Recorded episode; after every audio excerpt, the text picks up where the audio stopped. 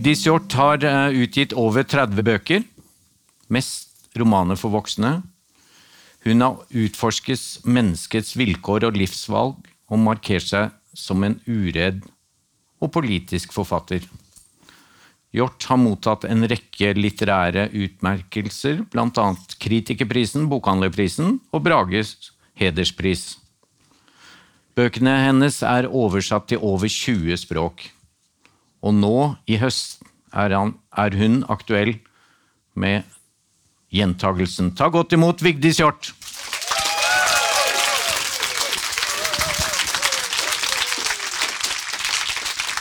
Halloi. Hei. Velkommen, Vigdis. Takk. Og gratulerer med en fantastisk eh, mottagelse av boken din.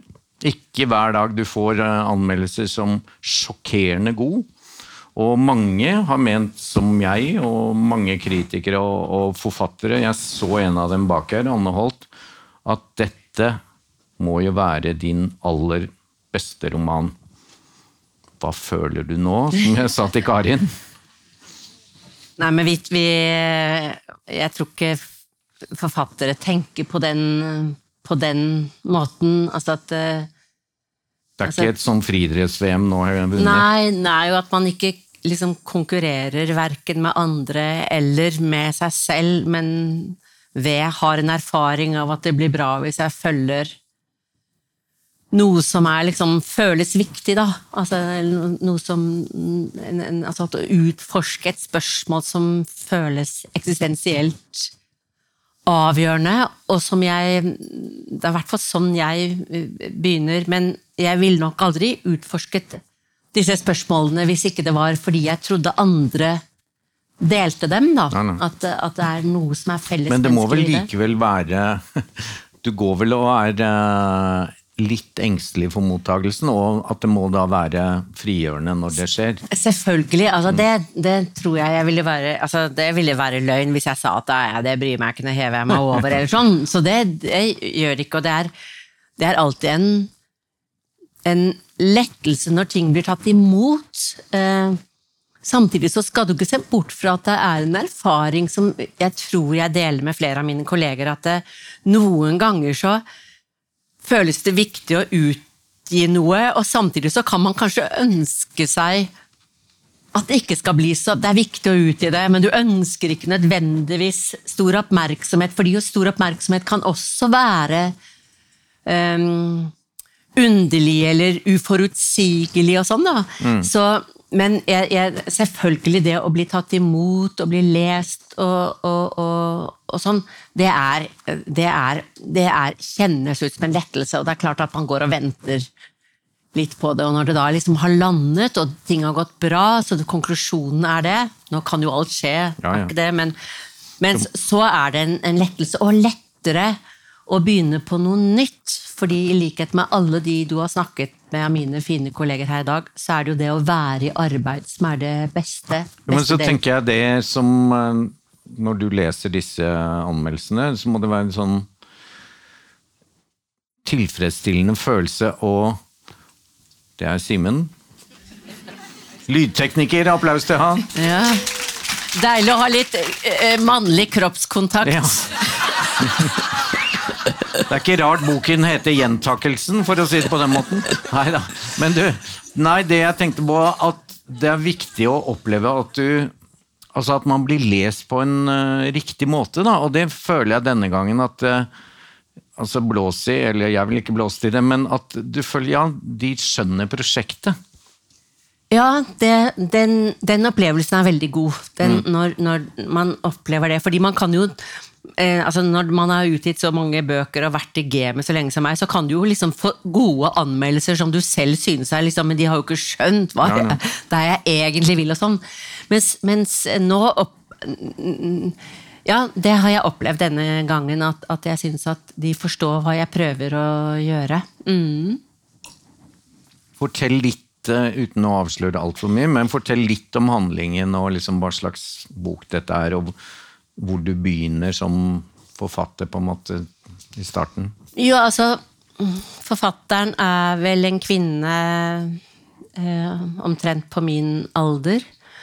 Eh, og så er det litt sånn Altså, jeg kan lene meg litt på hva Lars eh, Saabye sa, altså Lars sa, eh, om dette med Han, han nevnte dette med eh, vrakeren, da, som tittelen er på hans roman, og dette med at hva vi vraker, eh, kan være like viktig som det vi holdt jeg på å si skriver om for en forfatter, men han nevnte også dette med hva vi husker og hva vi ikke husker. Og Søren Kirkegård, som er jo en av mine liksom, husfilosofer, han sier jo et sted at liksom Det er kunsten å erindre, altså huske, og kunsten å glemme. Det er i disse to bevegelsene at hele livskunsten finnes, da. Og det tror jeg det er noe i. Når han sier at disse bevegelser, så betyr jo det at dette å huske og det å glemme ikke er liksom faste størrelser. Når jeg har bestemt meg for det, dette husker jeg, liksom, dette glemmer jeg. Og, og, så er det, Men at disse tingene er stadig i bevegelse i et menneske.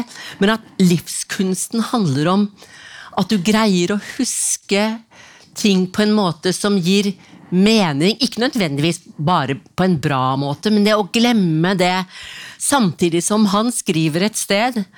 Ellers er det jeg som har tenkt i for forlengelsen til jeg skriver han, Hva betyr det når vi sier at vi skal skrive noe i glemmeboken? Mm. Ja, Da betyr det jo at man nettopp skal skrive det i glemmeboken. altså det vil si det kommer til å bli husket og nedtegnet det du vil glemme. Altså, og, det er, og jeg tror at det, når man begynner å bli så gammel som jeg er, så handler veldig mye om når man skal oppsummere sin fortelling. Eh, kan jo Altså, nå Jeg har jo veldig Vigdis, mange Vigdis, kan jeg bare si to ting? Ja. Eh, du er fascinerende flink til å ikke svare på spørsmålet. Mm. For jeg lurte litt på handlingen og sånn. Punkt to. Ja. Eh, de NRKs kritikere i Åpen bok og sånn, så var de jo sånn De er akkurat som deg, for de hadde skjønt at oi, her må vi lese Kirkegård for å skjønne gjentakelsens funksjon. Ja. Knut Hoem og sånn. Å, nå har jeg lest det hele natt og sånn etter at de hyller den som et mesterverk. Jeg skulle gjerne hatt litt grann til publikum på liksom, ja, Er det en gammel dame? Du begynte med at det var en forfatter omtrent ja, på din ja, alder, men hva er det egentlig som skjer? Ja, jeg vil, det, det, du vil det, komme dit, du, egentlig. Du vil at jeg skal si noe litt av det. Litt fortere til poenget. Ja, ja, Men, men, det er jo fordi at noe av problemet er at det jeg skriver om, er noe jeg har hatt lyst til å glemme men som jeg ikke har klart å glemme. Og til og med når du vil snakke om det, så har jeg ikke lyst til å snakke om det. Men jeg skal gjøre det. Fordi at dette er jo Norges beste og største forlag. Men altså, det handler om ho Hovedpersonen tenker tilbake fordi det er noe som pleier å komme tilbake, uansett hvor mye hun har bestemt seg for å glemme det, eller ikke huske det, og, og sånn. Eller å skrive det i glemmeboken. Og det er en episode når hun er um, 16 år. og Hun har en veldig engstelig mor som er veldig engstelig for alt som er farlig i verden. Og det som mennesker som er veldig redde for ting som er farlige for sine barn, og, og sånn, de skjønner ikke at de sirkler inn det man da som man begynner å begjære bare fordi det er forbudt. ikke sant? Og det er da sex, det er alkohol, og det, alt som kan føre til sex osv. Og, og denne unge eh, jenta i romanen, når hun begynner på videregående f.eks., så er det bare liksom, det er de som går på videregående, som er kjærester. De ligger med hverandre. De ligger med hverandre. Og hun har ennå ikke kysset? ikke hun sant? Har ikke kysset, også, og, og, hun vet om et, noen som er kjærester. Det er Mona og Harald som er kjærester, og de, de ligger sammen! Og, og, og de, de, som har kjæreste på videregående, de må uh, ta p-piller for ikke å bli gravid. De kunne, og det må du ta på nøyaktig minipiller på nøyaktig samme tidspunkt. Hver dag. Og det er klokken tolv i mattetimen! Så da må de ta denne. Og hun ser det for seg i detalj hvordan de kler av. De, de har vært i København, dette paret. Og hvordan liksom da Harald kler av seg Mona, de er nakne, og penisen vokser. Altså, hun, hun, har, hun har jo sett pornoblad, guttenes pornoblader i skauen. ikke sant? Hun bare ser dette for seg. Og neste dag så går jo opp som om ingenting, liksom. Og, og, og dette her, altså det, det er, går som en sakte film i hodet hennes hele tiden. Men så blir hun invitert til fest i den andre delen av byen. Og går dit med to venninner, lyver til den engstelige moren osv. Og, så og da treffer hun altså en gutt som heter Finn. Av alle ting Finn Lykke. Dan- Finner hun lykken? ja, og de danser sammen og kliner sammen, og så er det, og de drikker det er første gang, og du drikker, og første gang du, hun kliner, det er første gang. Det er, en bok som handler om veldig mange opplevelser av første gang, av mange ting. Men kan jeg der få si en ting til? For det, det som er en berusende lykkeopplevelse akkurat der, om ikke for eh, henne, så for Finn, så er det jo at eh, de har det første liksom-ligget, hvis man kan si det sånn. Og så fortell litt hva som skjer der, for han ender med å si nå er du blitt kvinne, og jeg håper ikke det er sånn å bli kvinne. Fortell litt om Nei, men altså Det er jo det at denne Finn åpenbart er Dette vet, altså, Hovedpersonen har jo enorme forventninger. Og Hun skriver da i dagboken sin hun blir invitert til denne festen. Og de har skjønt, Han har besøkt henne en vanlig onsdag. Nå er de kjærester. Og når man er 16 år og kjæreste, så gjør man det. Så hun skriver i dagboken sin hun er invitert til denne festen. Kjære Gud, ikke la meg dø før lørdag. Og lørdag formiddag skriver hun I kveld skal det skje det som ingen glemmer, for ingen glemmer det første gangen. Så rart å vite at det skal stå på disse blanke sidene som lukter forventning, slik pa hvitt papir lukter, liksom. I kveld skal det skje det som ingen glemmer. Og så kommer hun på den festen, og de drikker, og han tar henne ut i hånden. Og så dan eller de danser, danser litt og kliner litt, og så er han ut og går oppover til der hvor det hun tenker at det er soverom. Og hun tenker sånn Nå er jeg på vei til noe jeg aldri skal glemme. Så rart å vite det på forhånd, at jeg er på vei til noe uforglemmelig. Og så kommer de inn, og så er det en sånn eh, eh, gang med noen fire dører, og så går han bort til et sånt liksom, og åpner en dør inn mot noe liksom ubrukt gjesterom. Og så går de inn dit, og så begynner han å kle av seg så uforferdet som unge menn kan kle av seg. liksom sånn, Og bare legger seg i haug. Og, og så stå, og, og så mens liksom sånn, og så begynner han å lete i den kleshaugen etter noe i bukselommene sine, og mens han holder på med det, så tar hun av seg sin fineste genser, sin fineste bukse, sin fineste bh, sin fineste truse, og så legger hun seg sånn under denne her. Og han leter, og så ser hun at det han leter etter, er en kondom. Og som hun, han da prøver å åpne, men han fikser ikke det som å bruke tennene og sånn. da. Og så prøver han å få den på seg, men han har jo ikke noe reisning. Nei. Så det er, litt, det er litt vanskelig. Men så går han allikevel til henne og drar dyna av henne og legger seg over henne og beveger hoftene, sånn som menn gjør under samleie. Hun vet ikke mye, men hun har jo sett pornofilmer og sånn. Og hun sier Finn, du er ikke inni meg. Finn, Finn Lykke, du er ikke inni meg. Og hun visste ikke mye, men hun visste såpass, for hun brukte jo tamponger under menstruasjonen. Hun visste hvordan det var å ha noe inni. Og så, Finn, du er ikke... Så plutselig så bare går han av, fordi han ikke har reising, så faller kondomen rett ned. Og så tar han den og går bort til en sånn vask på veggen og begynner å fylle den med vann, for han skal se om den har sprukket. Om kondomet som ikke har vært inni henne, har sprukket. Og så bare ender det med at eh, hun Mens han holder på med det, da, veldig viktig prosjekt der, så sier hun jeg går ned til de andre. jeg. Så går hun ned hvor hennes jomfruvenninner sitter i sofaen med store øyne, ikke sant? og så smiler hun litt. Og så kommer Finn Lykke etter fem minutter ned, setter seg i sofaen ved siden av henne, legger armen rundt og sier 'Nå er du blitt kvinne, Vigdis'. En liten applaus der. Æsj.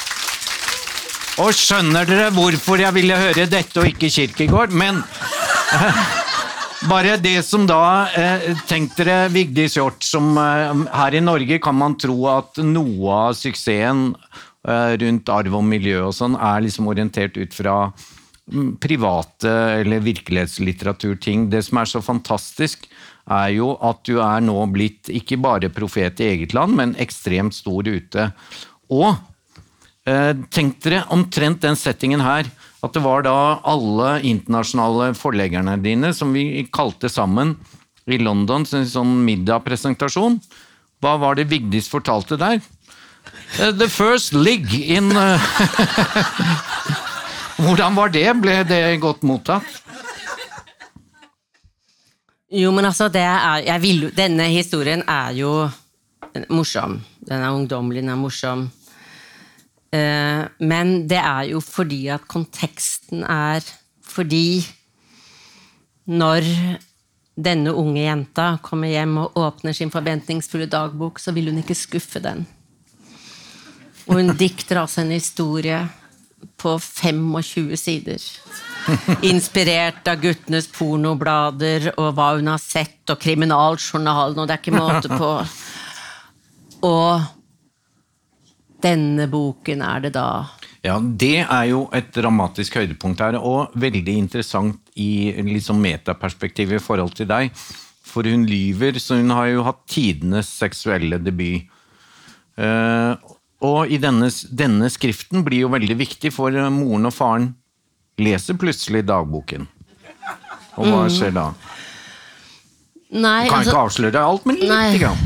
Men det er jo at det utløser jo en utrolig krise i denne familien.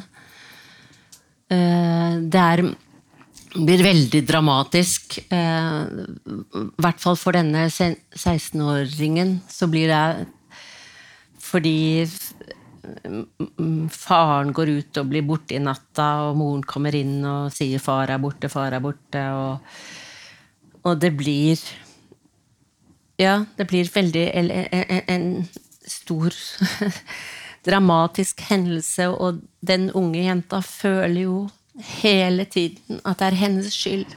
Mm. Det er hennes skyld. Det er hennes skrift som har forårsaket denne ulykken, som moren og faren opplever som en stor ulykke og fornedrelse. Det er henne som har gjort det. Og hun tar jo den skylden på seg.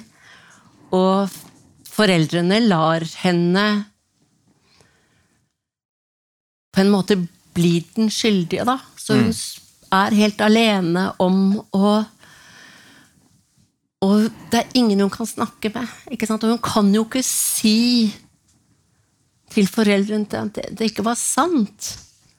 At det var diktet opp og funnet på. Og det lærer henne jo noe veldig avgjørende, at det man dikter opp, kan ha større betydning i livet enn det som er sant. Og så kan det være sannere, på en måte, for det var jo noe sant i hennes drøm og hennes øh, En form for forunderlig nysgjerrighet og begjær, da. Men er det ikke også noe man, Blir man lykkeligere av at sannheten kommer frem, da, eller?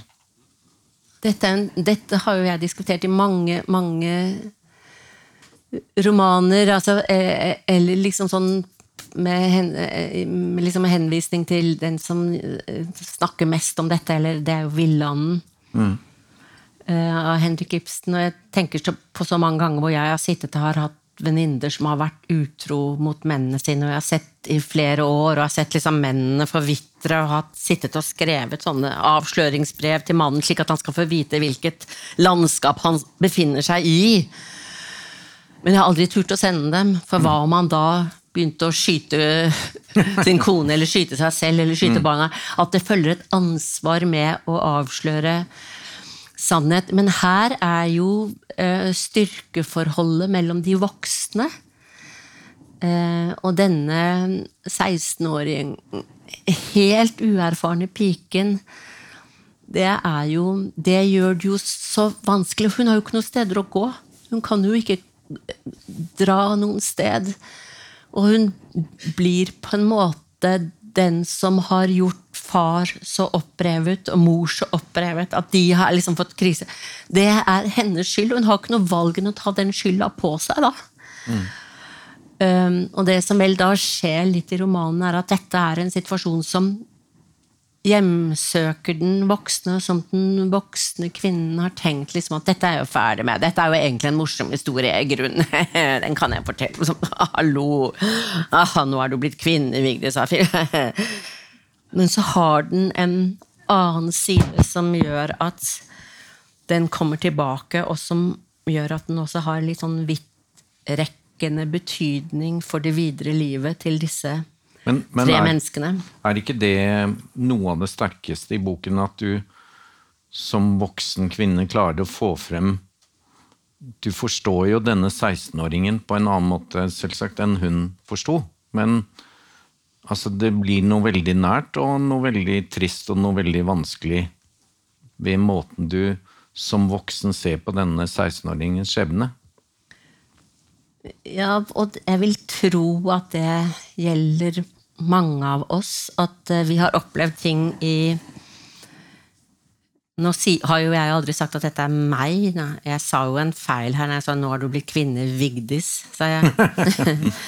Du kan ha opplevd noe lignende.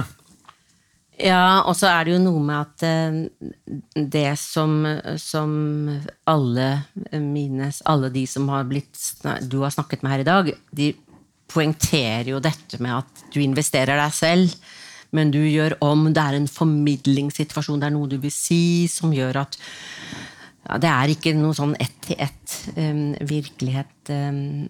Men jeg tror nok at veldig mange mennesker har opplevd at situasjoner som har festet seg i minnet fra man er liten eller ungdom, eller sånt noe, og som på en måte vender tilbake som man aldri slipper unna, at de har en eller annen eksistensiell betydning, og at man ikke bare sier 'åh, kommer det tilbake', hvorfor husker jeg på det nå? Men å oppholde seg litt ved dem, og tenke på at hva er det, det vil, vil det si meg noe? Hvorfor har det, dette vært så avgjørende? Så jeg tror nok at sånne avgjørende hendelser kan, kan fortelle deg, når de kommer tilbake, at de vil fortelle deg noe som gjør at du kan forstå deg selv på nytt, forstå historien din på nytt. Også forstå disse to andre voksne menneskene, de som var voksne den gangen, på nytt. At kanskje alle var fast i en eller annen form for umulighet. da. Det, det syns jeg i hvert fall er um, det vakre i denne boken. At på en måte, selv om du fremstiller både en mor og en far uh, på De har sine store utfordringer, men på en måte så er det sympatisk fremstilt til en viss grad. Og da tenker jeg også du har jo vært kritisert eh, av noen for at du skriver for eh, Eller privat, på en måte, at det, griper inn og at det er vanskelig for de eh, som er nær deg. Og da syns jeg det er veldig interessant at du Selvsagt så er det det denne gangen også, eller hvis, i hvert fall hvis man vil tolke det som en sånn privat greie. og Derfor så er jo det utenlandsperspektivet så interessant, at dette er litteratur, selvsagt. Men så gjør du en sånn twist, syns jeg, ved at du, du viser at løgn i en dagbok også på en måte, ja, som du sa, det er en eller annen form for sannhet, men den løgnen den fører til noe dramatisk. Men det er faktisk en løgn, det denne personen skrev i dagboken. Så ikke sant, du problematiserer jeg prøver ikke å være altfor intellektuell eller kirkegård her nå, men du problematiserer skriftens sannhetsverdi uten å ta vekk det du mener om eh, moren og faren. da. Skjønte du? Ja, jeg skjønner, jeg skjønner hva du mener, og det er noe av det som er spennende ved å skrive, og som også mine kolleger har vært innom her i dag. Altså at Du begynner et sted, det er noe du vil utforske, og så er det ofte noe du finner ut. Og det du finner ut, kan jo nettopp være det at diktningen, det du tror når du begynner, er ren fiksjon. Også i et, et, et univers som det Karin Fossum snakker om, f.eks. Og litt sånn som også Lars Saabye var innom, Christensen var innom i dag. Ikke sant? Altså det, hvor det såkalt virkelige sletter seg sammen i diktningen og kan utkrystallisere en egentlig sannhet som kanskje er sannere enn hvis du prøvde Eller for å si det med Kirkegård, jeg kan ikke fremstille meg helt sant selv når jeg ikke vil. Og det er det ingen av oss kan. Så idet vi begynner å bruke et ord i 'jeg opplevde', altså, så er vi allerede fortellere. Eh, og, og, og vi legger til å trekke fra osv. Og, så og det er jo ikke bare romankunsten, men også fortellerkunsten. Eh, så alle Og nå må jeg bare si noe som han tenker liksom, si sammen, Når man begynner å være på min alder, så er det jo slik at det, veldig mange selvfortellinger ligger fast. Altså, jeg er liksom litt enig med meg selv. Hvem er jeg som forfatter? Hvem er jeg som mor? Hvem er jeg som hundeeier? Hvem er jeg som sånn sånn? Men, og, og, sånn merker jeg at det er for vennene mine også. Men når jeg hører mine venner fortelle om seg selv til nye bekjentskaper, så hører jeg hvor mye de lyver. og jeg hører hva de ikke forteller om, og hva de særlig framhever. Og da blir jo spørsmålet er min historie like forløyet. Og der kommer vi tilbake til utgangspunktet, og nå er vi sikkert snart ja. ferdige. Og det er sånn at det, disse fortellingene vi forteller oss selv som livsfortellinger, er for romaner å regne. De kan ha store, fiktive elementer, men som kan bidra til at den egentlige sannheten kommer fram. Så det er ikke noe skille mellom sannhet og, og fiksjon, for fiksjonen kan målbære en sannhet som den som liksom, liksom, skal være ærlig, kanskje unngår. Og det er derfor vi trenger romaner og skjønnlitteratur, og. I, I din forrige bok, 15 år, som dere kan kjøpe bak her, eh, så er det jo akkurat det at hun blir så fascinert, datteren der, av at moren lyver til sin mor om hvordan det går i familien og alt sånn. Så alt henger sammen med alt. Så jeg tenkte bare helt til slutt, du kan få gjenta om ikke Kirkegård, så i hvert fall Hvorfor valgte du tittelen 'Gjentagelsen'? Nei, men Det er vel fordi at uh, denne kvinnen opplever at denne historien kommer tilbake, dels i hovedsak som komedie, underholdning, og så krever den på et eller annet tidspunkt, og det er vel da dette tidspunktet for den skrivende, uh, eller hun som forteller, at ikke Ikke Ikke, ikke forfør nå, bare. Gå, gå, bak denne forføringen med det morsomme, det kondomet og det hva, det, hva, hva, skjedde egentlig der? Og jeg tror nok at noen sånne historier som gjentar seg, som man, selv om man vil skrive det i glemmeboken, kommer tilbake, så er det kanskje fordi de vil si noe. Og denne, i denne spesifikke situasjonen så hører fortelleren på historien som kommer tilbake, og hun nærmer seg den hun var som 16-åring. Og det blir en interessant reise, fordi de fleste mennesker på min alder er mye mer suverene i sin på en måte livsbeherskelse enn det de var da de var 16 år. Men kanskje man skal legge av seg noe av det og gå tilbake og være litt sånn 16 år i huet, skjønne noe mer, eller tørre å være sårbar på den måten som man var, for også å forstå seg selv og andre, da. Du, jeg fikk en sånn liten avsporing, sånn salgsmessig tenning. I fjor het den 15 år, og nå er det 16 år. Kommer 17 år til neste år. Nei Du er forhåpentligvis i gang med noe? Ja, ja. Mm. ja, ja. Ok, dere, vi skal ikke plage Vigdis mer. Gi henne en kjempeapplaus. Tusen takk. Boktips, en podkast fra Cappelen Dam.